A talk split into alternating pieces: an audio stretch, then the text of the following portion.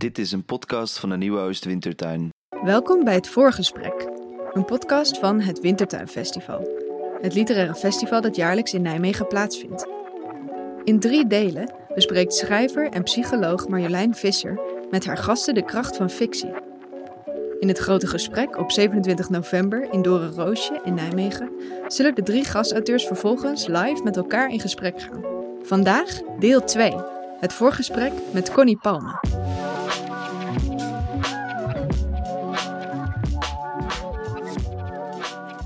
Hallo, mijn naam is Marjolein Visser en in de reeks Fictie als gids spreek ik met drie verschillende schrijvers met, zogezegd, drie verschillende specialiteiten. Hanna Bervoets, vooral bekend om haar fictie, David van Rijbroek, vooral bekend om zijn literaire non-fictie, en deze week een schrijver die we kennen van bijvoorbeeld haar prachtige essays, maar vooral als grand dame van een heel bijzondere vorm van fictie. Namelijk fictie die als het ware leunt op personen die echt bestaan of bestaan hebben, zoals zijzelf. Ik heb het natuurlijk over Connie Palme. Zij studeerde in 86 cum laude af in de Nederlandse letterkunde en daarna ook nog in de filosofie. Met haar debuutroman De Wetten kreeg ze meteen grote bekendheid. Verder schreef ze onder meer de roman De Vriendschap, waarvoor ze uh, onder andere de ACO Literatuurprijs won. Jij zegt het, waarvoor ze de Libris Literatuurprijs won. En bijvoorbeeld de prachtige roman IM, gebaseerd op de liefde tussen haar en Ischa Meijer. Connie Palme, heel hartelijk welkom. Dankjewel, Marjolein. Ik wil heel graag met u praten over die fictie die ook dat autobiografische of biografische in zich heeft. En ik wil eigenlijk met u praten ja, waarom u die vorm vaker gebruikt en ook waarom u er zo goed in bent. Want dat bent u. Waarom u het kiest en waarom het bij u past. In het boek IM vertelt u hierover, want al bij de wetten werd u hier veel over bevraagd, over dat autobiografische in uw fictie. En u zei daarover toen tegen Ischa Meijer: Ik ken niemands leven beter dan het mijne. Ik ben erbij en ik kijk ernaar. Vervolgens abstraheer ik van de werkelijkheid en hou ik dus ook iets anders over dan de werkelijkheid. Goh, ik ben blij dat je me dat even toereikt, aanreikt, moet ik zeggen. Uh, dat is het, dat ik, Hoezo? Nou, dan vergeet ik toch dat ik zoiets geschreven heb. En terwijl je uh, de vraag formuleert, denk ik, oh mijn god, ja, waarom doe ik eigenlijk zo? Maar ik denk, oh ja, dat heb je al, al opgeschreven. Het is een, kijk, het komt natuurlijk voort uit, uit wat, waarvoor ik ook filosofie ben gaan studeren. Uit een, een, een gewoonte of een, een behoefte om heel nadrukkelijk uh, na te denken over mijn eigen leven. Uh, niet per se. En, en dat te verbinden met andere levens. En, en te vergelijken met andere levens. Niet, en ik, ik, ik, ik ruim er ook heel veel tijd voor in. Als mensen me wel eens vragen: wat is nou je werk?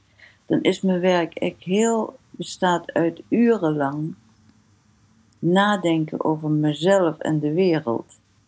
Uh, mezelf en anderen. Mezelf in verhouding tot mijn ouders, tot mijn broers, tot de huidige tijd, tot de verleden tijd, mezelf in verhouding tot de literatuur, mezelf als schrijver. Het, um, en dat is, dat is eigenlijk voldoen aan die prachtige opdracht die op de tempel van Delphi staat. Ken u zelf. De opdracht die de filosofie geeft aan de mens: van wees je bewust van je eigen drijfveren, uh, van je eigen motieven, van je eigen blik. Dat is wat de filosofie je leert. Je leert je eigenlijk veel bewuster te zijn van je eigen blik. En daar, met blik bedoel ik natuurlijk niet alleen maar zo, ja, wat, je, wat je ziet, maar waarom je ziet wat je ziet. Hoe je, de, je blik op de wereld al gekleurd is door vooroordelen of door de verhalen die je kent, door de boeken die je hebt gelezen. En vanuit die belangstelling, uh, niet in mezelf, maar eigenlijk in hoe mijn blik beïnvloed is door, en met name dan door het geschreven woord en door film en muziek en, enzovoort, door mijn opvoeding. De invloed die eruit gaat van anderen op hoe je de wereld ziet en hoe je jezelf daardoor ziet. Dat, is, dat, was, al, dat was mijn fascinatie voordat ik begon met schrijven. Het was mijn fascinatie toen ik literatuur ging studeren. En het was vooral de reden waarom ik ook filosofie naast ging doen. Ik denk, er moet. Ik wilde niet theologie doen. Theologie kan ook tegemoetkomen aan zo'n. aan dit zelfreflecterend vermogen. Psychologie en natuurlijk nog veel meer. Maar dat vond ik. Ik heb ook heel veel psychologiecolleges gevolgd. Ehm, in de tijd dat ik studeerde. En ik had zoveel tijd over en ik was zo leergierig dat ik. Ik ging het overal vandaan halen. Maar de psychologie, dat, dat, op een gegeven moment wist ik dat al. Psychologie verraste me te weinig. Filosofie verraste me. Ik, ik hoor eigenlijk ik hoor heel, heel, heel veel dingen, maar wat ik hier uithaal is ook aan de ene kant, ik, ik wil mezelf kennen, zoals Delphi. En aan de andere kant wilt u verrast worden in wat u doet en, en maakt. Hoe verhouden die twee zich tot elkaar? Nou, ik ben niet zo, zo zeer uit op verrassing hoor. Het, kijk, de, ik, ik zei dat de psychologie me niet zo verraste, omdat ik dat. Als je heel veel literatuur leest, dan, dan ben je eigenlijk wel psychologisch heel erg onderlegd.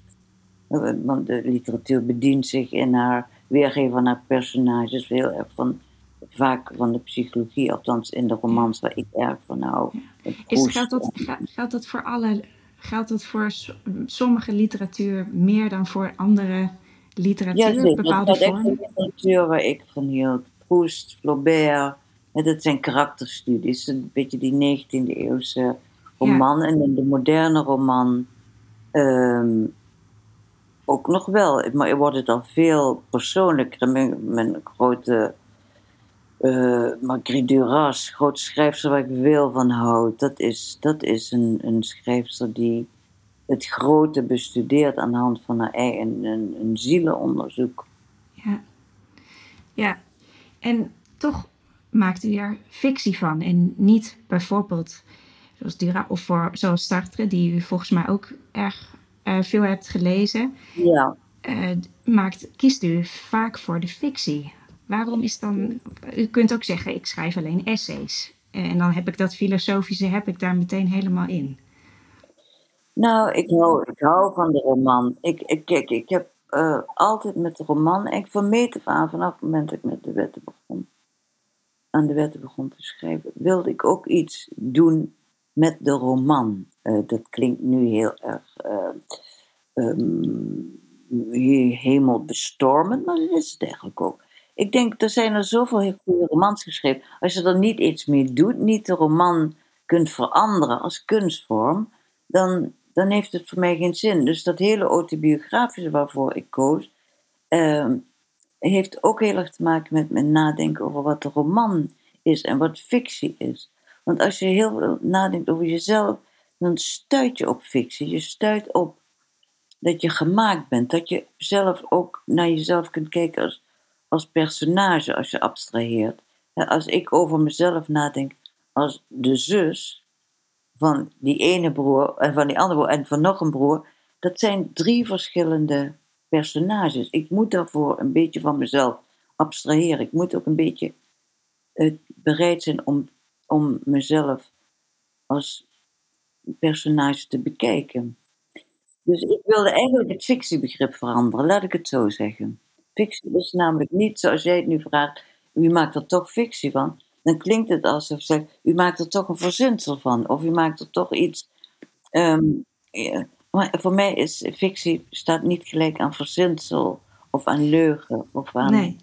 U hebt, u hebt ook gezegd, fictie is niet tegenovergesteld aan echtheid. Um, ook in IM zei u dat. Maar, maar kunnen we dan stellen dat wij u leren kennen als wij lezen over u, Connie Palme, in bijvoorbeeld IM, of als we een ander, een ander roman van u lezen, leren we u dan kennen? Nou ja, dat is een. een hoe, hoe kun je een ander kennen? Ik geloof niet zozeer dat je iemand kunt leren kennen door het lezen van haar boeken. Of je kunt, voor een deel leer je me wel kennen. Ehm, maar kijk, Picasso, je, je kijkt naar Picasso. Kun je Picasso leren kennen om, om, om door naar zijn schilderijen te kijken? Nee, je kunt, je kunt hem veel beter leren kennen door zijn biografie te, uh, te lezen en te zien dat die vrouw als een deurmat behandelde en uh, of er een deurmat van maakte. Dan heb je een heel ander verhaal. Maar goed, nogmaals, kun je uh, Harry Mulisch leren kennen door zijn boeken te lezen? Ja, voor een deel wel, maar voor een groot deel ook niet. Nee. Dus leren kennen, um, daar is het mij ook niet om te doen. Ik probeer. Het, nee. Uh, nee, ik probeer. Ik de wereld beter te leren kennen. De me mensen in het algemeen, of met name vrouwen in het algemeen. En waarom nou specifiek vrouwen? Ja, omdat ik dat zelf ben. Ik kan me heel goed in een man inleven. Ik heb het laatste boek ook geschreven vanuit mannelijk perspectief. Ja. Vanuit het perspectief van Ted Hughes. Ja. Maar ja. hij doet een poging om de zelfmoord van zijn vrouw Sylvia Plath te begrijpen. Dus het boek gaat net zoveel over, misschien meer over een vrouw dan over de man. Dus u schrijft aan de ene kant uh, vanuit die sterke behoefte die u zelf hebt. Ik wil de, de wereld be begrijpen, mezelf begrijpen, anderen. En tegelijkertijd wilde u ook de roman veranderen. Ja. Um, even over, want dat klinkt ook als iets wat gericht is op het publiek. Dat zij weer eens wat anders te lezen hebben. Ik vroeg me af, wat ik, ik zat zo eens over u na te denken. Toen dacht ik, ja, dat, dat biografische, zoals met Ted Hughes en Sylvia Plath of autobiografische, wat u inzet, dat maakt het voor mij ook wel heel spannend. En toen dacht ik aan die uitspraak van Joseph Campbell, die is gespecialiseerd in mythe en zagen, die zei: een verhaal gebaseerd op waar gebeurde uh, feiten of bestaande personen wint aan kracht. Oh. Dat is gewoon spannend voor het publiek. Is dat ook nog iets wat u hebt meegenomen in uw keuze voor deze Nou ja, dan heb je het over een effect. Hè? Dat heb je het over een effect dat een boek kan hebben op een lezer. Ja. Daar ben ik niet zozeer mee bezig. Dat is namelijk iets wat je niet, wat, je al, wat ik niet beheers. Dat beheers je wel als je heel, als je thriller schrijft of zo. Dan probeer je een effect te bereiken bij een lezer. Als of als je The Lord of the Rings schrijft, als je fantasy schrijft, als je dan heb je veel meer, ben je veel meer bezig met het effect dat je probeert te bereiken bij een publiek. Ik ben daar niet mee bezig. Uh, het um, het maar... zou variaat zijn aan, mijn, aan mijn, hoe, hoe, ik me, hoe ik me als schrijver zie. Maar u, ik kan me niet voorstellen dat u niet ook dacht toen, voordat de wet uitkwam, dit wordt een knaller. Dit gaan heel veel nee, mensen mooi vinden.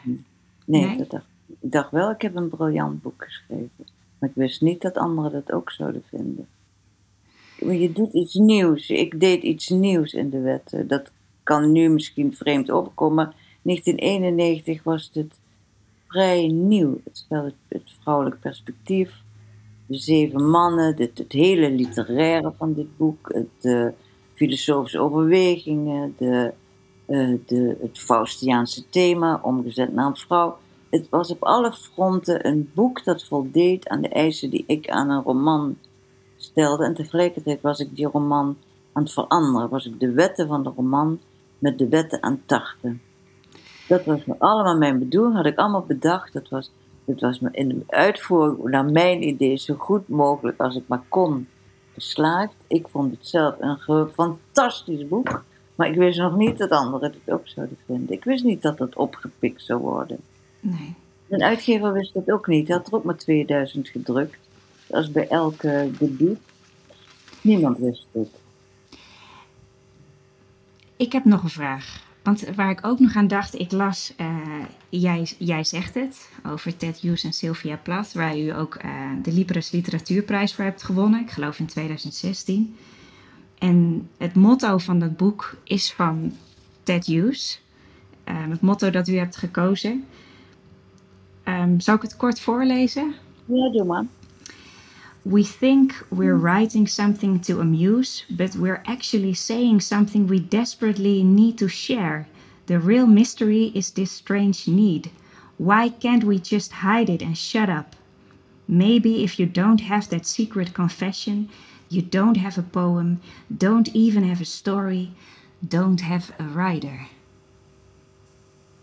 Ja, Hebt, hebt u, schrijft u ook om een con- confessie te doen? Of het nou is via Ted Hughes of... het klinkt bijbels. Ja, ik denk dat je altijd, daarom heb ik ook eh, gezegd, jij zegt het is eigenlijk een, een uitwerking van mij van, van een Judas-thema. Een thema waar ik heel lang al over nadenk. En daarom was jij zegt het ook een opvolger van Lucifer. Lucifer is, zoals je weet, ook een bijbelse figuur. Het oud-testamentaire bijbelse figuur. Ander Ja. woord voor de duivel. Eigenlijk degene die altijd het verraad pleegt. Of, of degene die uitlokt tot verraad, verloochening enzovoort. En in het, in het Nieuwe Testament komt deze verraderlijke figuur terug in de vorm van Judas. Wat eh, Ted Hughes gebruikt, dat bijbels of dat, dat, dat eh, ja, hoe zeg je dat, misachtige woord, ik bedoel eucharistieachtige woord, eh, van de confessie, de biecht. Dat is een, ehm, dat is eigenlijk zou ik daar liever het woord open, ik zou er zelf het woord openbaren of het woord verraad gebruiken. Je Mhm. schrijft als je, als je niet ehm, het gevoel hebt dat je iets aan het openbaren bent, wat, wat, wat eigenlijk eh, tot op dat moment dat je begon met het boek waaraan je werk verborgen was, als je niet het idee hebt dat je iets aan het onthullen bent, en ik hou het speciaal vaak, ik zeg echt iets. Nou, iets kan zijn iets over de menselijke ziel, iets over wat je, over je eigen boosaardigheid of goedaardigheid, of waar die goedaardigheid in de knel komt. Iets over inzichten die je hebt verworven door het nadenken over jezelf en vanuit jezelf over anderen en de wereld, over thema's. Ik zo'n Judas-thema, dat ik lees me dan suf, ik denk er zo over na. Ik denk, wat is dat toch? Waarom zijn schrijvers in zekere zin verraders? In de zin, verrader in de zin van, zij die openbaren, zij Ja. die een geheim prijsgeven. En Dat waarom? zijn, schrijvers zijn daarmee bezig. Kundera heeft dat ook mooi beschreven. Schrijvers zijn onthullers. Schrijvers trekken een gordijn weg. Ja. Schrijvers, ehm, ja, dat is een, een eigenschap. En dat is ook waarom ik, dat is al vaak aangehaald, deze toch wel schitterende uitspraak van Cesar Milos, Nobelprijswinnaar. Ehm, die zei, als er een schrijver wordt geboren in een familie, is het gedaan met die familie. Want de, de, de geheimen, het verborgene, begint in, in het gezin waarin je opgroeit. Daar leer je wat geheimen zijn. Wat verbergen is, wat verzwijgen is, wat taboe is. Kan het, kan het ook zonder dat openbaren, het schrijven? Ja, dan schrijf je gewoon lectuur en dan schrijf je makkelijke boeken, of schrijf je een thriller, of schrijf je een historisch werk, of schrijf je een. Ik, ik heb het over goede romans. Ja, want wat, wa- wat, gaat er, wat gaat er verloren als je niet iets onthult of openbaart, zoals u het zegt? Nou, dan vinden mensen het gewoon vinden mensen het een saai boek. Ja. U hebt, u hebt eh, ik, ik, ik herken wat u nu zegt in wat u ook hebt eh, beschreven in een logboek van een onbarmhartig jaar. Een prachtig boek dat u schreef na het overlijden van uw tweede grote liefde, Hans van Mierlo. Ja. Ehm, u zegt daarin: de schrijver is per definitie indiscreet. Hij is de verrader, de onthuller, de ontdekker. Schaamtevol, omzichtig, discreet, introvert en innemend in de omgang. Maar zodra de schrijver de pen oppakt, is hij inderdaad een Judas. En wat ik me nou afvraag, dat, dat innemende en introverte en discrete, dat, nou ja, ik ken u niet persoonlijk, maar ik heb wel eens dingen over u gehoord. Zo, zo zei iemand, oh ga je Connie Palm interviewen? Die heeft voor mijn broertje een keer bier gehaald toen die het moeilijk had op een feest. En zo'n lieve vrouw, dat, dat stel ik me ook helemaal bij u voor. Mhm. Hebt, hebt u in uw discrete, innemende leven wel eens last gehad van dat indiscrete? Het verraden in het schrijven? Ja, natuurlijk. Er is vaak fel gereageerd op mijn boeken, zowel vanuit professionele hoek, voor van uh, recensies of literaire kritiek. Alle literaire kritiek hebben wij in Nederland nauwelijks. Recensies. Ehm, en ook wel door mensen door, die zich geraakt voelden door, zeker door IM. Ja. Ehm, Familieleden van Israël ja. Meijer. Ja. ja. En waarom, waarom hebt u daar last van gehad? Ik heb er geen last van gehad. Het is, voor, het is voorgekomen. Het is voorgekomen. Het, um, ja. Heeft dus het u heb geraakt? Ik er last van gehad. Um, nou ja, kijk, mensen nemen altijd wraak. Hè. Ze, um, de, de twee personen die zich geraakt voelden door, door IM, uh, de dochter Jessica, die schrijft dan haar eigen boek waarin ze mij met de grond gelijk maakt. En het zusje van Isra schrijft dan ook haar eigen boek waar ze haar broer met de grond gelijk maakt. Dus mensen doen. Um, ik heb er niet zo last van. Dan, ik weet hoe dat, dat die behoefte er is. Ik weet dat mensen. Uh, ja, dat er iets oneigenlijks zit aan het last hebben van. En wat is dat dan, dat oneigenlijke? Het zou veel erger zijn als ze er niet in voorgekomen waren, als ze geen delen uitgemaakt van het verhaal van Israël. Wa waarom zou dat erger zijn geweest? Ja, dan besta je niet. Het, ja. uh, dan word je doodgezwegen in een verhaal. Ja.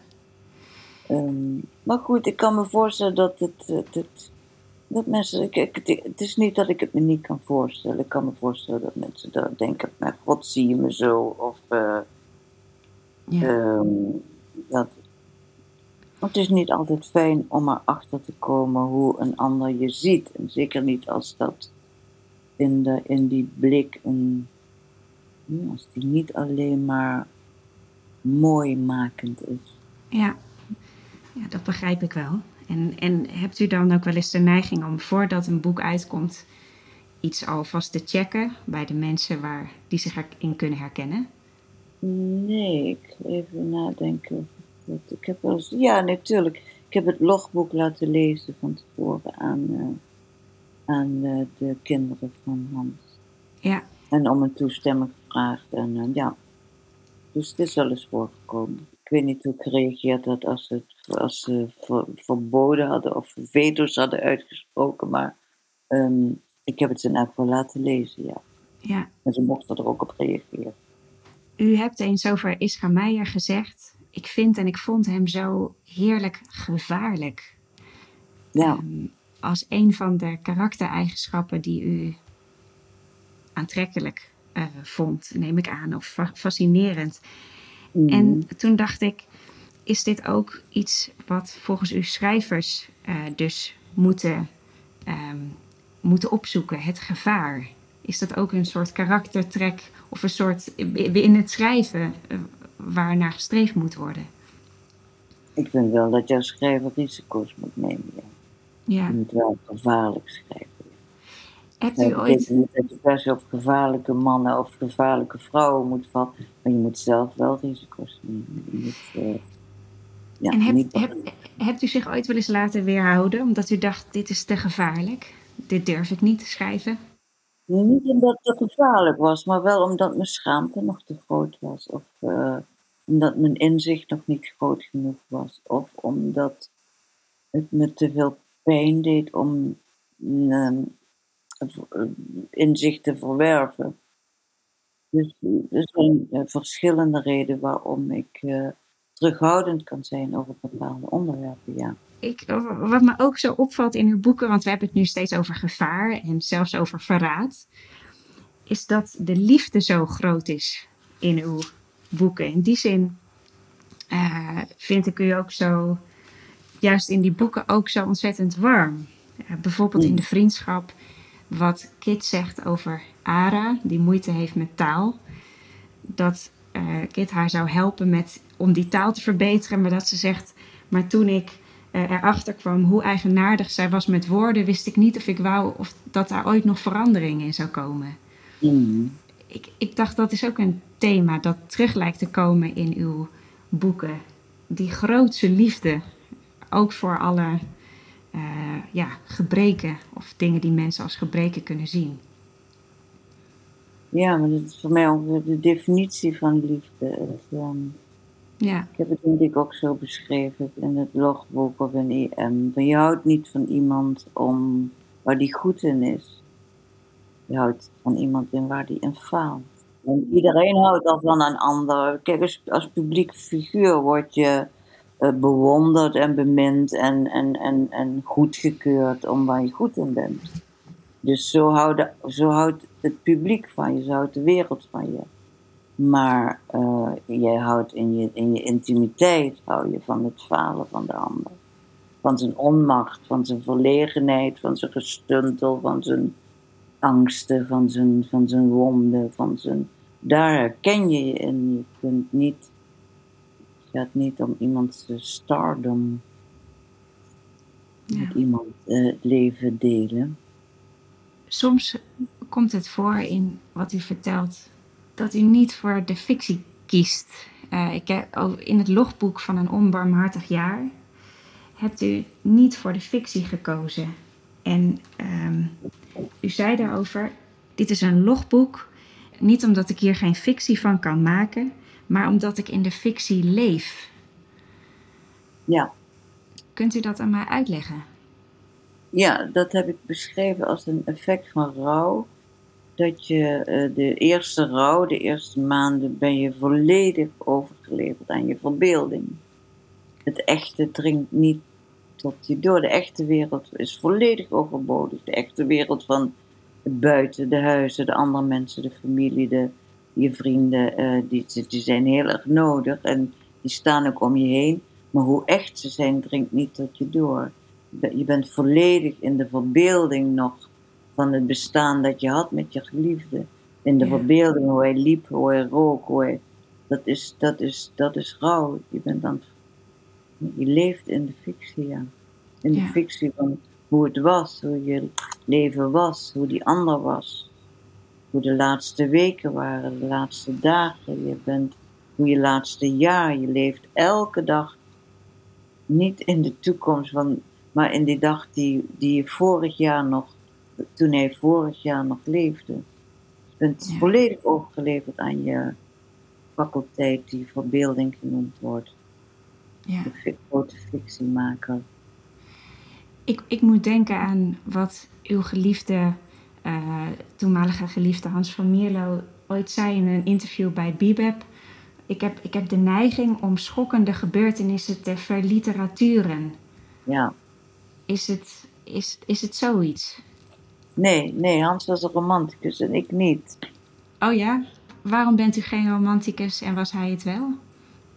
Nou ja, iemand die zo zegt, eh, mijn leven voor literatuur, het is een poëtisch iemand. Hans was ook een poëtisch iemand, ik niet. Ik ben een prozaïs iemand, ik ben een essayist, ik ben een, ik fileer. Hans wilde dingen mooier maken met de taal. Ja. Wilde, ehm, wilde, ja, wilde echt wel een mooiere wereld creëren, ik niet. Ik vind de wereld al mooi genoeg. Ik wil hem blootleggen in al zijn facetten, in zijn goed en kwaad. Ik ben een veel, veel prozaïscher iemand. En met prozaïs bedoel ik prozaïsten zoals ik, romanschrijvers zoals ik, of essayisten, zien altijd verbanden. Ik ben altijd bezig met verbanden leggen. Die, de onvermoede verbanden. Hans was bezig met poëzie. Hans was veel meer iemand die in beelden dacht. En in, die ook veel meer hield van de taal zelf. Van de schoonheid van de taal. De schoonheid van de taal kan mij gestolen worden. Ja, ik vind taal op zich niet schoon. Wij kunnen mooie zinnen maken, maar ik vind de taal veel meer een instrument, een schroevendraaier. En een, bezwaard om, om gordijnen in flarden te scheuren. Ik ben veel, ja, ik ben een, een niet romantischer iemand. Romantici willen ook in het goede van de ander geloven. Voor mij is er heel wat voor nodig, wil ik daarin geloven. En uh, over dat de taal als schroevendraaier gebruiken. Denkt u dat goede boeken, of het nou fictie is of non-fictie of met autobiografische elementen, dat, dat dat belangrijk is? Dat de taal een gereedschapstool is, een stuk gereedschap voor dat boek, maar niet een, een doel? Ik denk wel in elk geval dat het uh, de romans zijn waar ik het meest van houd. Kijk, je hebt, in dat, je hebt zoveel mooie ja, romans, uh, vormen van romans. En, uh, want ik hou bijvoorbeeld ook heel erg van Stephen King, of ik hou van de fantasy, of ik hou van thrillers. Maar het is een heel ander, ander soort roman dan, dan de roman die ik literatuur noem en die ik goed vind. Ik hou toch van een soort complexiteit en inderdaad van dit, een, een, dat, je die, dat, dat, dat je dat mee mag maken, zo'n schok van inzicht, dat je dat inzicht verwerkt. Ik, ja. ik, herinner me nog zo van, van boeken die dat gedaan hebben met me. Of dat nu Proest is, Proest heeft dat ook gedaan. Uh, met zijn ellenlange zinnen, met zijn ongelooflijke inzichten, uh, die, die medegedeeld werden. Ook al was het in een, met een vrij traditionele uh, vorm, ja, vrij traditionele psychologische inzichten. Maar Guy op een veel grovere manier, veel harder, veel onthullender, veel Koenderen Ehm, met zijn half essayistische roman. Het zijn allemaal schrijvers die me, of Notenboom met zijn ongelooflijk verfijnde waarneming van de wereld om me heen. Het zijn allemaal mensen van die me inzichten gaven, die me dingen onthulden door de roman, door de taal. Ja. Tot slot,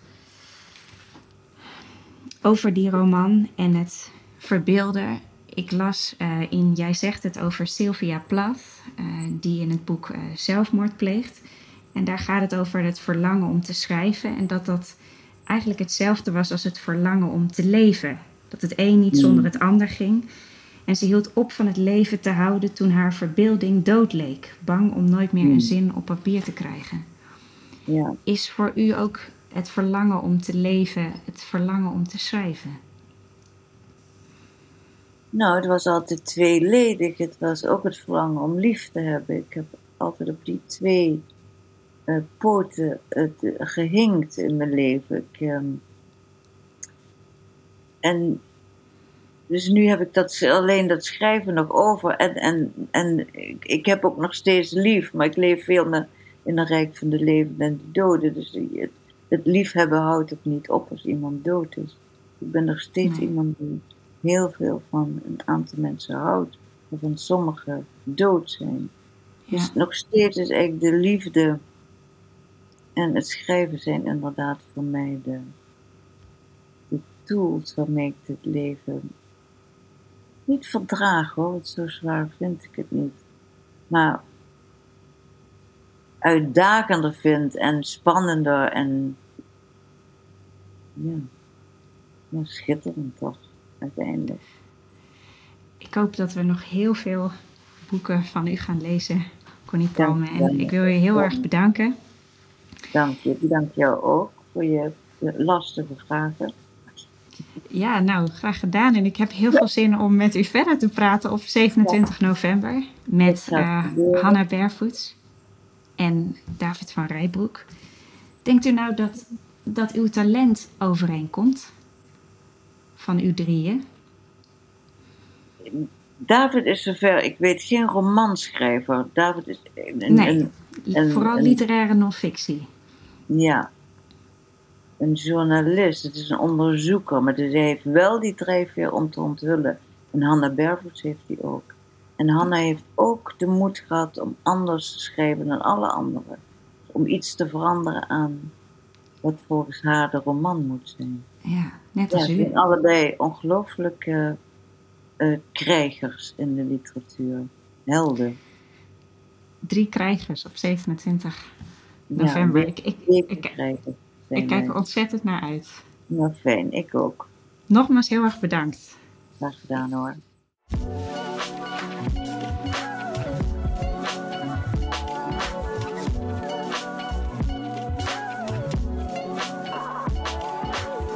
Dank voor het luisteren naar het voorgesprek met Connie Palme. Kijk op wintertuinfestival.nl voor de gehele programmering van het Wintertuinfestival. Link in de show notes.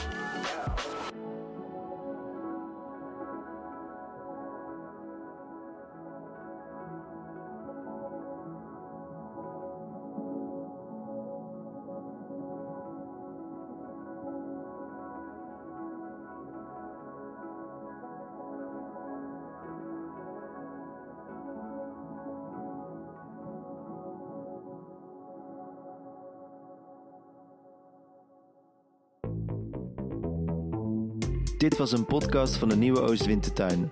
Volg ons via jouw favoriete podcast-app voor meer podcasts over verhalen, literatuur en schrijven. Tot de volgende keer. Ja, maar ik, ik weet niet zo goed wat ik anders moet doen. Ik bedoel, het is een beetje alsof je zegt, ja oké, je krijgt een klap in je gezicht. Terwijl je het het minst verwacht, want ik liep gewoon mijn boodschappen te doen. Of ik loop gewoon op mijn werk of iets. Maar je mag niks zeggen. Want anders wordt het erger. Maar je, je hoeft niets te zeggen. Ja, nou, ja, maar Je kan ook niks zeggen. Je zet al die spreadsheets op je bureaublad, totdat dat vol staat. Je maakt er een backup van, van niks in feite, en begint opnieuw. De koeling wordt gedaan met permafrost. Ik kan hier echt woedend over maken. En wat zou nu de afgelopen maanden zeggen op die conferenties? Ja, ja, ja, ja. Ja, Bitcoin, dat vernietigt de aarde. Maar, maar Ethereum, Ethereum, Ethereum. ik heb dus geen hobby's. Ik kijk televisie, ik slaap, ik eet, ik drink te veel. Ik hang rond met altijd dezelfde twee jongens. En toen eh, vertelde ik haar dus dat ik in het cultuurbeleid zat. En Met dat, het rode haar. ja. Maar dat was, niet, dat was geen succes. Gewoon het moment dat het woord beleid valt, vertrekt iemands gezicht gewoon altijd. Je wordt ook meteen ambtenaar. Dat vind ik er zo erg aan. En je bent ook ambtenaar. Dat dus is een fictieserie voor mensen die van keukentafelpodcasts houden. Over drie vrienden die het gevoel hebben dat iedereen om hen heen het volwassen zijn beter begrijpt dan zij. De serie van Martin Rombouts, Josien Wijkhuis en Dennis Gaans. Vanaf 27 september op hardhoofd.com. Of in je favoriete podcast-app. Dat dus, dat dus. Dat dus, dat dus, dat dus. Oh, dat dus.